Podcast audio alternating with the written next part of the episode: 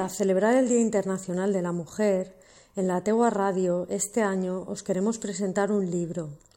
Es un libro escrito por una mujer, Virtudes Abad, que cuenta la historia de una superación, una superación de unos malos tratos sufridos durante más de 30 años, pero con una visión positiva, una visión de que es posible recuperar la autoestima y conquistar esa libertad que durante tantos años estuvo perdida en virtudes, como ella misma nos va a contar.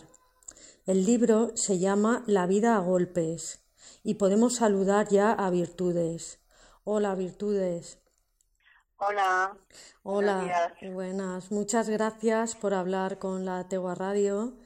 Y, queríamos empezar haciéndote una pregunta que es ¿por qué decidiste escribir este libro, Virtudes?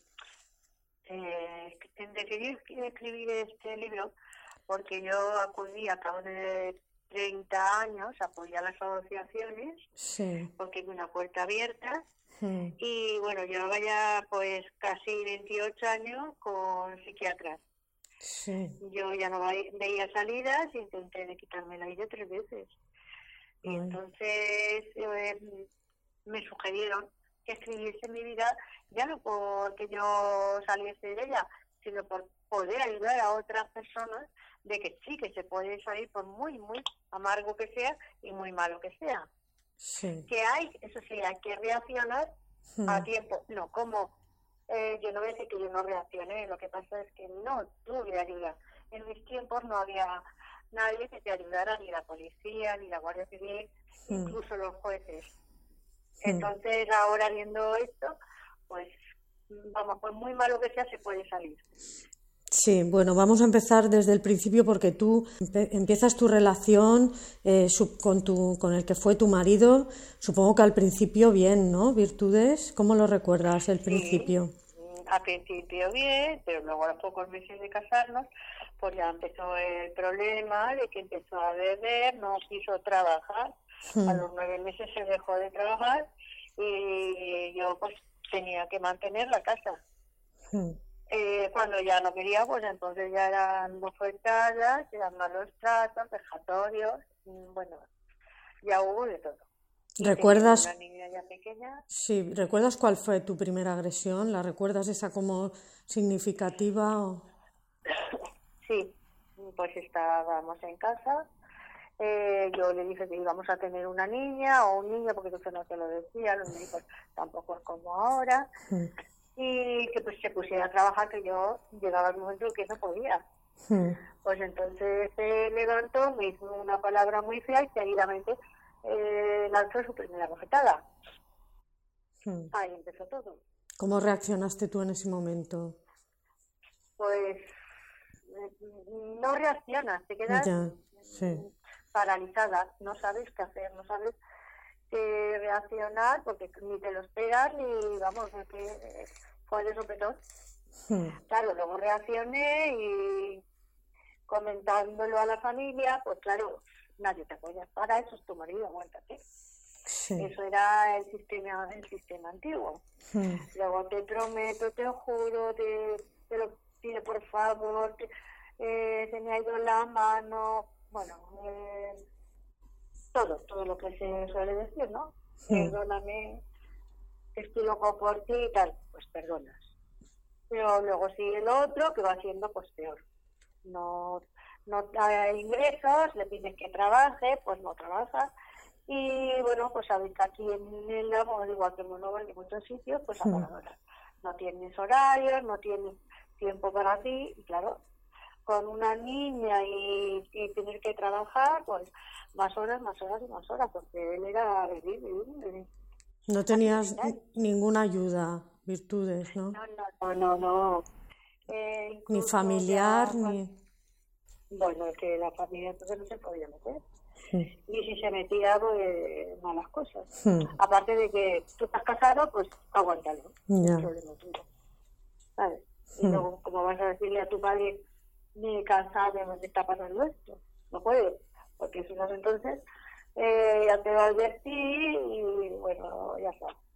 Entonces fui a la policía porque llegó un momento que me rompió un tímpano. Tantas veces que había ido a la policía. Pues subí a, la residencia y claro, el médico me dijo que eso había que denunciarlo, porque el mismo pasaba al parque. Eh, pues bueno, pues fue la cosa fue a juicio, yo no lo pude retirar como tantas veces, porque lo tienes que retirar porque te amenaza. Y eso es vivir. Eh, la policía mismo se ríe de ti. Vaya, porque entonces declarabas delante de la policía, delante de los que habían ahí detenidos. Vaya, si fuera mi mujer, ibas a venir aquí. Todo eso. Se reían. Con, iba ya, entonces ya iba yo con dos niñas. Y bueno, te sigo contando lo de hmm. Voy al tigre, me voy al juez y me dice el juez, es que un hombre que está enfermo no tiene delito. Ya. Y lo disculpaban. Cinco días en casa, eh, pues nada, pues ya lo ves, aguantar más. La policía venía por la mañana, firmaba y él se iba. Por la tarde venía, venía la policía, como estaba en casa, pues firmaba y se iba. La que tenía que salir yo, porque entonces yo trabajaba, tuve la suerte de colocarme en una guardería y tuve muchos años. Hmm. Y cuando mis niñas estaban de vacaciones y yo tenía que seguir trabajando, pues los vecinos me llevaban. Los niños están en la calle en pijama, en pleno invierno me las tiraba a la calle. Sí. Porque no la dejaban dormir. Hmm. Eh, yo las veces que he ido a juicios y de todo, le he dicho al juez que yo me quería ir de mi casa, me voy de mi casa. Entonces el juez me amenazaba y me decía, si usted se va de su casa, las niñas se las damos a él. En claro, claro, tú piensas, ¿y si yo le doy las niñas a él? Estando yo, lo que las maltrata, me las tira a la calle, les pega. Eh, ¿Qué hace? Hmm. Entonces, pues aguantar, aguantar, aguantar. Sí, porque en, todo momento, o sea, te enfrentabas a él, ibas a juicio, pero claro, la seguías, seguías en todo momento viviendo con él, claro. Claro, porque entonces como juez le daba la razón, luego te sentías mal porque había, sí, había policía buena, pero había policía muy mala. Y te decía, bueno, ahora ibas a venir aquí, te pegaba una calidad. Entonces tú te encuentras ahí y dices, ¿a dónde voy yo? Aguanta y aguanta. Sí. Y luego él te maltrataba otra vez y decía, como no retienes la denuncia, pues te va a pasar esto y te va a pasar otro. Eso que... No te planteabas, es que no, no veías ninguna solución, ninguna salida. No. A ver, yo era una mujer independiente, pero no era independiente por dinero. Yo todo lo que ganaba eh, lo administraba a él. Yo para poder pagar los libros de mis hijas, había un, un maestro que me pagaba los libros él y luego yo después de salir de la guardería me iba a trabajar a casas que me llevaban a mis hijas y con ese dinero yo pagaba los libros de mis hijas. Es que tampoco los dejaba ir al colegio. Sí, a tus hijas también. A mis hijas. Sí, ellas, claro, en todo momento serían conscientes de, de desde pequeñitas, ¿no? Del, del maltrato. Claro, por supuesto, por supuesto. Hmm. Y ya lo ha pasado muy mal. Y eso les queda para toda la vida. Hmm. Es que no que te maltraten a ti es que lo maltratan hasta ella. Sí. No saben dónde esconderse, no sé, no saben. Luego van al colegio, porque yo las he visto en, la guardería, no me las ha dicho nadie. Y las he visto que no juegan con nadie, se meten en un rincón ellas solitas, porque no quieren hmm. hablar con nadie. Hmm. Eh, es un drama muy bueno, muy bueno. Sí. Eh, aparte del, del físico, Entiendo también virtudes que era eh, psicológico, claro. ¿Cómo percibías tú? Acababa con... ¿Cómo te sentías? ¿Te sentías...? Bueno, yo no puedo decir, yo me sentía en un pozo, no quería vivir, por hmm, supuesto, hmm. vivía por mis hijas porque no había otra cosa, porque no tenía hmm. paro de nadie, nadie te entiende, porque nadie te entiende, y el que te entiende pues no quiere entrar, porque no quiere entrar en su problema. Hmm. Aparte de eso, quiero decir que él era un enfermo esquizofrénico. Hmm. Yo lo llevé a muchísimos sitios. Estuve ingresado en Santa Fe. Luego lo llevé a Madrid, a López Tibor. Eh, López me hizo una carta que yo eh, corría peligro de que me pudiera matar en cualquier momento, porque era muy agresivo. Con esa carta yo la llevé a juzgado y me hicieron caso. Eh, me buscó un abogado también, y con el abogado fuimos a juez. Ni se quiso hacer caso ni la Guardia Civil ni la policía, bueno, nadie. Entonces, era un civil. Y cuando ya mis hijas se casaron, que dije, bueno, pues ahora hmm. voy a intentar lo que sea. Pero sola, ¿eh? siempre lo sabía, no, a mí no me ayudó nadie. Entonces, con todas mis pruebas, con todos mis papeles, con todo, intenté separarme de él. Y tuve que hacer tres juicios, demostrar que era un maltratador. Hmm. Con cartas de él, que él me ponía, eh, ay, os quiero mucho, lo siento, casi os mato, pero os quiero. Hmm. Y al final lo conseguiste, ¿no? Sí, sí, lo conseguí. con eso, con todo, seguía viniendo. Hmm. Y yo me quedé solo en el campo, porque yo no sé conducir, y él se quedó con la vivienda de, de dos viviendas de él, y con todo el dinero, por supuesto, porque él, aparte de que al final él mm, estaba cobrando no paga, él cobraba casi 3.000 euros, también me daba un céntimo. Hmm. Había que vivir con lo mío, miserablemente. Y al final él se fue con todo el dinero, con los pisos, con todo. Me quedé en casa, en el campo, y yo abría la puerta de noche y decía, ay, que entre y me mate. Yo no tenía, eh, no tenía vida, ni quería vivir. Hasta que una persona se acercó a mí y me dijo, ¿por qué no vas a las asociaciones? y empecé a hacer cursillos, fui a la a psiquiatras, a, mucha gente, y la verdad me ayudó mucho. Estuve entonces yendo a Tiempo de Mujer, que estaba entonces la presidenta de Nati, me acompañó a muchos sitios, y ahí me dio fuerza porque yo acompañaba a otras señoras a hacer cosas. Sí. Eres una mujer muy valiente, virtudes, como nos estás contando. Yo eh, al principio he dicho que, era un, que queríamos dar una visión positiva, ¿no? Aunque la situación afortunadamente ha cambiado para, para muchas mujeres, pero, pero siguen existiendo muchos casos que todavía sí. Entonces, eh, ¿qué consejo le darías tú a esas mujeres que, que nos están escuchando ahora y que están pasando por eso? ¿Qué consejo les darías?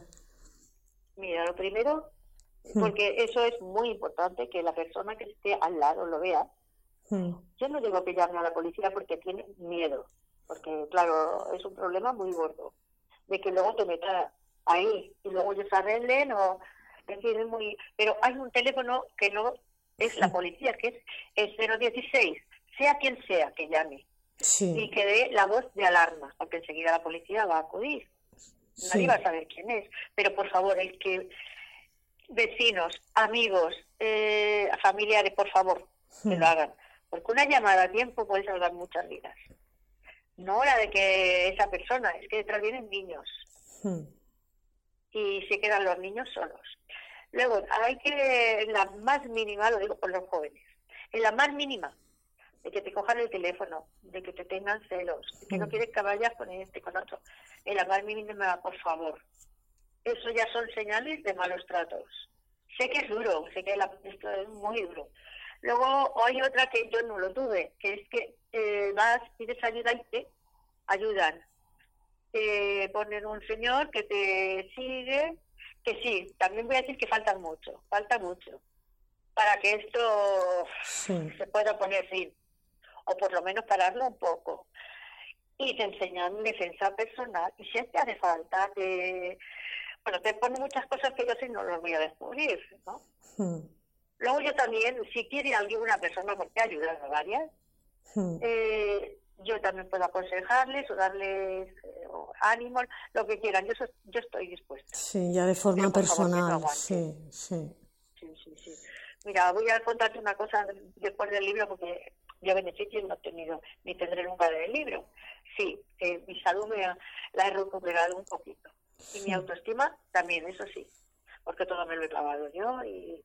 Pero el saber que una persona no quería salir de su casa, me llamó su madre, fui a hablar con ella, estuvimos leyendo el libro Lardo, les, le conté mi experiencia, y de ver que poco a poco he ido a su casa y la hemos sacado, y esa chica está saliendo, para mí es una luz muy grande, muy grande. Y los más que también me han llamado y me han dado las gracias. Y me quedo con eso. Sí, pues nada, nos quedamos con eso. ¿Cómo pueden, eh, si alguna persona está interesada, cómo pueden comprar tu libro? Mira, en Petrel eh, lo tengo puesto en el kiosco Laura y en, la casa del estudiante.